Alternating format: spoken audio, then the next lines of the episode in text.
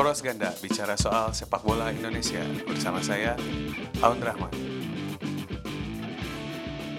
Uh, Assalamualaikum warahmatullahi wabarakatuh. Kembali lagi di Poros Ganda, podcast yang bicara soal sepak bola Indonesia bersama saya Aun Rahman. Oke, jadi podcast Poros Ganda ini sebelumnya saya bilang bakal rilis tiap pekan, tapi karena satu dan lain hal, terutama karena saya sendirinya sedang tesis, jadi agak terhambat. Untuk episode 2 ini kita bakal bahas soal regenerasi tim powerhouse sepak bola Indonesia, Persipura Jayapura. Berdiri tahun 1963, Persipura Jayapura ini di era perserikatan gak terlalu mentereng uh, prestasinya, terutama di top level. Prestasi terbaik mereka di era klasik itu juara divisi 1 tahun 1979 dan 1993 jadi mereka ini istilahnya kalau waktu di era persikatan tuh ya biasa banget lah. Gak terlalu wah prestasinya. Tapi berubah di era modern, uh, terutama setelah unifikasi Liga tahun 95. Uh, berlanjut ke era Liga Super, terutama setelah milenium baru lah. Persipura ini masih tercatat sebagai tim yang paling banyak juara di era modern dengan empat gelar juara Liga, yaitu tahun 2005, tahun 2009, tahun 2011 dan tahun 2013. Ini belum termasuk uh, rekor mereka jadi runner up Piala Indonesia selama tiga kali dan juga uh, juara di kompetisi pengganti turnamen. Nah, kalau teman-teman masih ingat, Persipura itu juara di Indonesia Soccer Championship tahun 2015 lalu. Nah, sejak tahun 2005 terutama nih, uh, 2005 ini ketika tim masih dipegang oleh Rahmat Darmawan, core inti kekuatan tim tuh masih sama terus sampai dalam kesuksesan mereka juara liga berkali-kali itu. Uh, core kekuatan timnya itu yaitu Ricardo Salampesi, Ian Kabes, Manu Wanggai, sama Boasa Osa.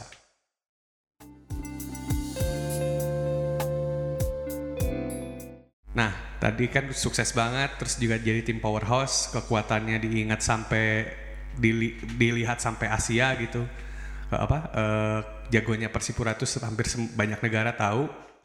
Tapi sejak tahun 2017 lalu, terutama Liga 1 tahun 2017, uh, eh, Persipura ini kelihatan kayak kehilangan taringnya gitu.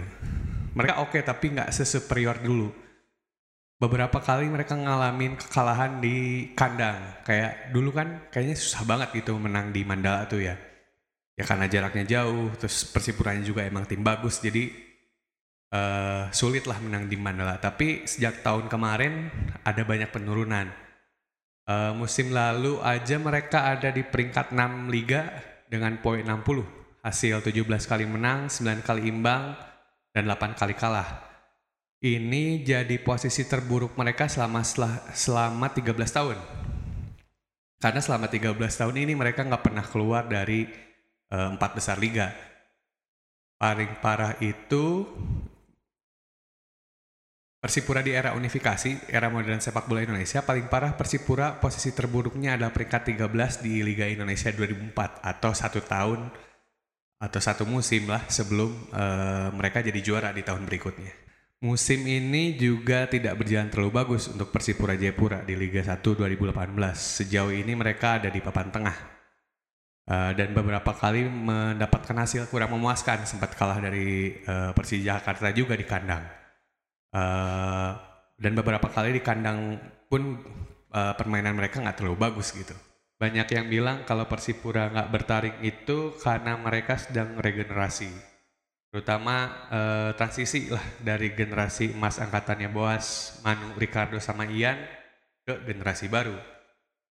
Saya sendiri uh, pernah wawancara salah satu pemain generasi emas uh, dan cukup sering juga sebenarnya sama pemain ini tuh Ricardo Salapesi Kebetulan idola saya pribadi juga, selain Ahmad Jufrianto. Uh, dia ini pernah bilang ke saya kalau uh, regenerasi ini jadi sulit buat Persipura gitu, karena pemain yang berusia produktifnya pindah ke klub lain, uh, terutama sebelum Liga 1 2018 mulai.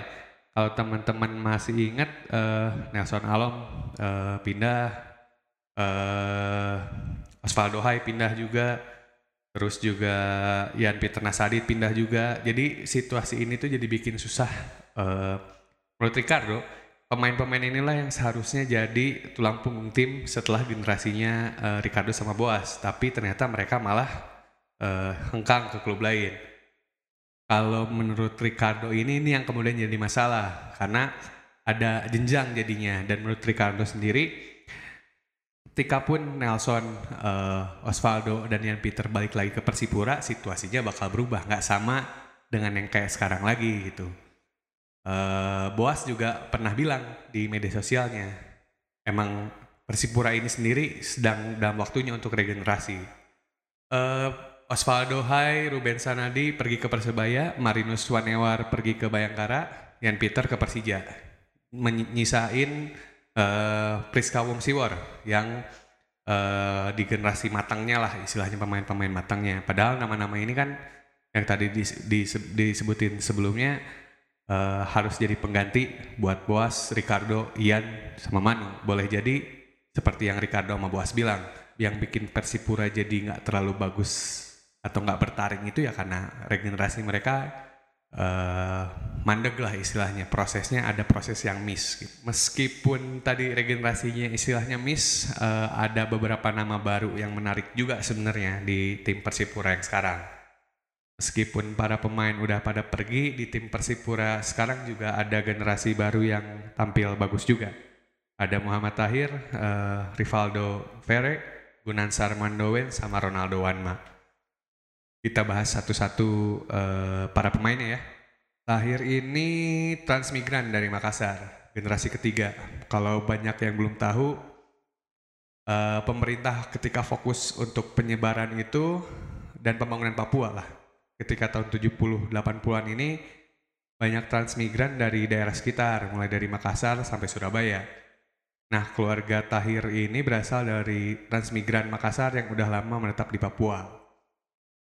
Posisi aslinya Tahir ini gelandang bertahan, tapi bisa main jadi back tengah, terutama sejak mencuat di TSC 2016. Nah, Tahir ini tipe back cerdas yang bisa mainin bola di belakang. Tackle-tackle-nya juga bagus juga gitu, pembacaan apa uh, reading the game-nya lah gitu, oke okay juga. Cara main Tahir ini banyak yang bilang mirip banget sama Ricardo Salampesi waktu masih muda. Oke, selanjutnya nama kedua itu Rivaldo Ferre. Ini bakat yang paling sensasional dan paling hot lah istilahnya di generasi terbaru sepak bola Persipura. Panggung nasionalnya Rivaldo Ferre ini sebenarnya dimulai ketika berhasil juara Liga 1 U19 bareng Persipura di musim lalu. Rivaldo Ferre ini terpilih jadi pemain terbaik Kemudian seperti yang kita tahu semua, Rivaldo Ferre ini tampil bagus di Piala Asia U19 yang baru saja berakhir. Bisa main di wing, bisa main di sektor serangan juga, tapi justru kalau misalnya lihat penampilan Garuda Nusantara kemarin, Rivaldo Ferre ini justru bagus banget kalau main di gelandang serang atau di belakang striker. Selanjutnya Ronaldo Ruben Erwanma. Kalau tadi Rivaldo, sekarang Ronaldo mirip dengan dua timnas Brazil yang juara Piala Dunia 2002. Nah, Wanma ini sama-sama alumnus Persipura U19 yang jadi juara uh, Liga 1 U19 musim lalu. Usut punya usut, denger-denger aja ini mah. Ada cerita kalau di final Liga 1 U19 kemarin itu operator kebingungan nih kasih penghargaan MVP ke siapa. Akhirnya uh, nominasinya ada tiga, Beckham Putra Nugraha dari Persib, uh, Ronaldo Wanma sama Rivaldo Ferre. Tapi karena Rivaldo Ferre yang akhirnya cetak gol di partai final itu, akhirnya uh, penghargaan pemain terbaik atau MVP ini dikasih ke Rivaldo Ferre bukan ke Wanma. Padahal emang Ronaldo Wanma ini main bagus juga di musim selanjutnya sama kayak Ferre dan kayak sama Ferre. Ronaldo Wanma juga main di uh, promosi ke tim ke tim senior Persipura. Uh, nama terakhir Gunansar Mandowen. Ini disebut-sebut sebagai boas baru meskipun dalam beberapa pekan pertandingan terakhir kita lihat Gunansar dimainin di posisi gelandang ya ketimbang di naik di sektor serangan. Sama-sama cepat dribblenya kayak boas, sama-sama teknik dasar main bolanya juga luar biasa. Di musim ini aja belum baru naik, baru masuk usia 18 tahun Uh, Gunansar ini udah main hampir 10 game, lebih bahkan sebenarnya 10 game di Liga 1 dan nyetak 2 gol. Sebuah pencapaian yang boleh dibilang luar biasa untuk pemain yang baru banget berusia 18 tahun dan main di top level. Untuk urusan regenerasi ini memang mirip nanam tumbuhan atau berkebun lah. Penanganannya mesti tepat agar menuai hasil yang diinginkan gitu. Ibaratnya timing kapan nanam buahnya, pupuk apa yang dipakai, biar nanti hasil panen atau buahnya berkualitas. Nah, ini boleh jadi yang jadi masalah di proses regenerasi Persipura ini. Ada tantangan-tantangan yang bikin proses regenerasinya jadi nggak lancar juga gitu. Misal, Tahir yang diplot jadi penerus Ricardo Sampesi itu uh, nggak tetap main di back tengah. Pelatih masih kadang mainin Tahir di posisi back kanan sempat. Di posisi gelandang bertahan sempat inkonsistensi inilah yang kemudian jadi masalah karena uh, lahir jadinya tidak terbiasa untuk main di posisi yang dia diplot untuk pengganti Ricardo Salampesi itu. Uh, kejadian ini juga sedikit banyak disebabkan karena Nelson Alom pindah. Kalau misalnya Nelson Alom pindah, uh, tidak pindah, mungkin Tahir bakal tetap main di posisi back tengah, nggak berubah gitu untuk kejadiannya Rivaldo Ferre ini mungkin karena dia uh, juga disibukkan sama uh, panggilan ke tim nasional, jadi jarang jasanya jarang dipakai uh, oleh Persipura. Uh, Gunansar dan Ronaldo Wanma ini juga kan seperti saya bilang wonderkid yang bagus, tapi mereka juga belum menemukan konsistensi permainan sebagai sepak bola gitu pemain rookie atau pemain muda ini emang masalahnya itu kan uh, seri, masih masih harus mencari permainan terbaik mereka sebelum akhirnya dapat dapat kliknya istilahnya oh ini permainan terbaik saya seperti ini gitu itulah yang kemudian jadi masalah regenerasi Persipura dari angkatan emas uh, Boas sampai ke generasi baru yang sekarang ada di Persipura. Uh, sel selain soal regenerasi pemain, ada masalah lain selain regenerasi ini yaitu soal pelatih. Kalau diingat-ingat selepas Papi Jackson F. Tiago ini yang seperti kita semua tahu jadi sukses jadi kunci suksesnya Persipura buat juara uh, liga berkali-kali. Gak ada pelatih Persipura yang bertahan lama. Setelah Jackson in Jackson Jackson tuh pernah musim di Persipura. Tapi setelah Jackson uh, gak ada pelatih yang benar-benar bertahan lama. Rata-rata bahkan gak nyampe semusim mereka ngelatih Persipura uh, gak semusim beres diganti musim depannya ganti lagi. Jadi ada inkonsistensi yang bikin uh, proses regenerasi ini juga jadi gak jalan. Dan secara keseluruhan bikin tem Persipura Jayapura sendiri ini gak stabil juga. Uh, sebuah masalah yang sebenarnya jadinya ruwet juga untuk Persipura Jayapura itu sendiri gitu. Oke, untuk episode kali ini segitu dulu uh, bisa jadi buat bahan diskusi di tongkrongan masing-masing. Oke, okay, adios. Assalamualaikum warahmatullahi wabarakatuh.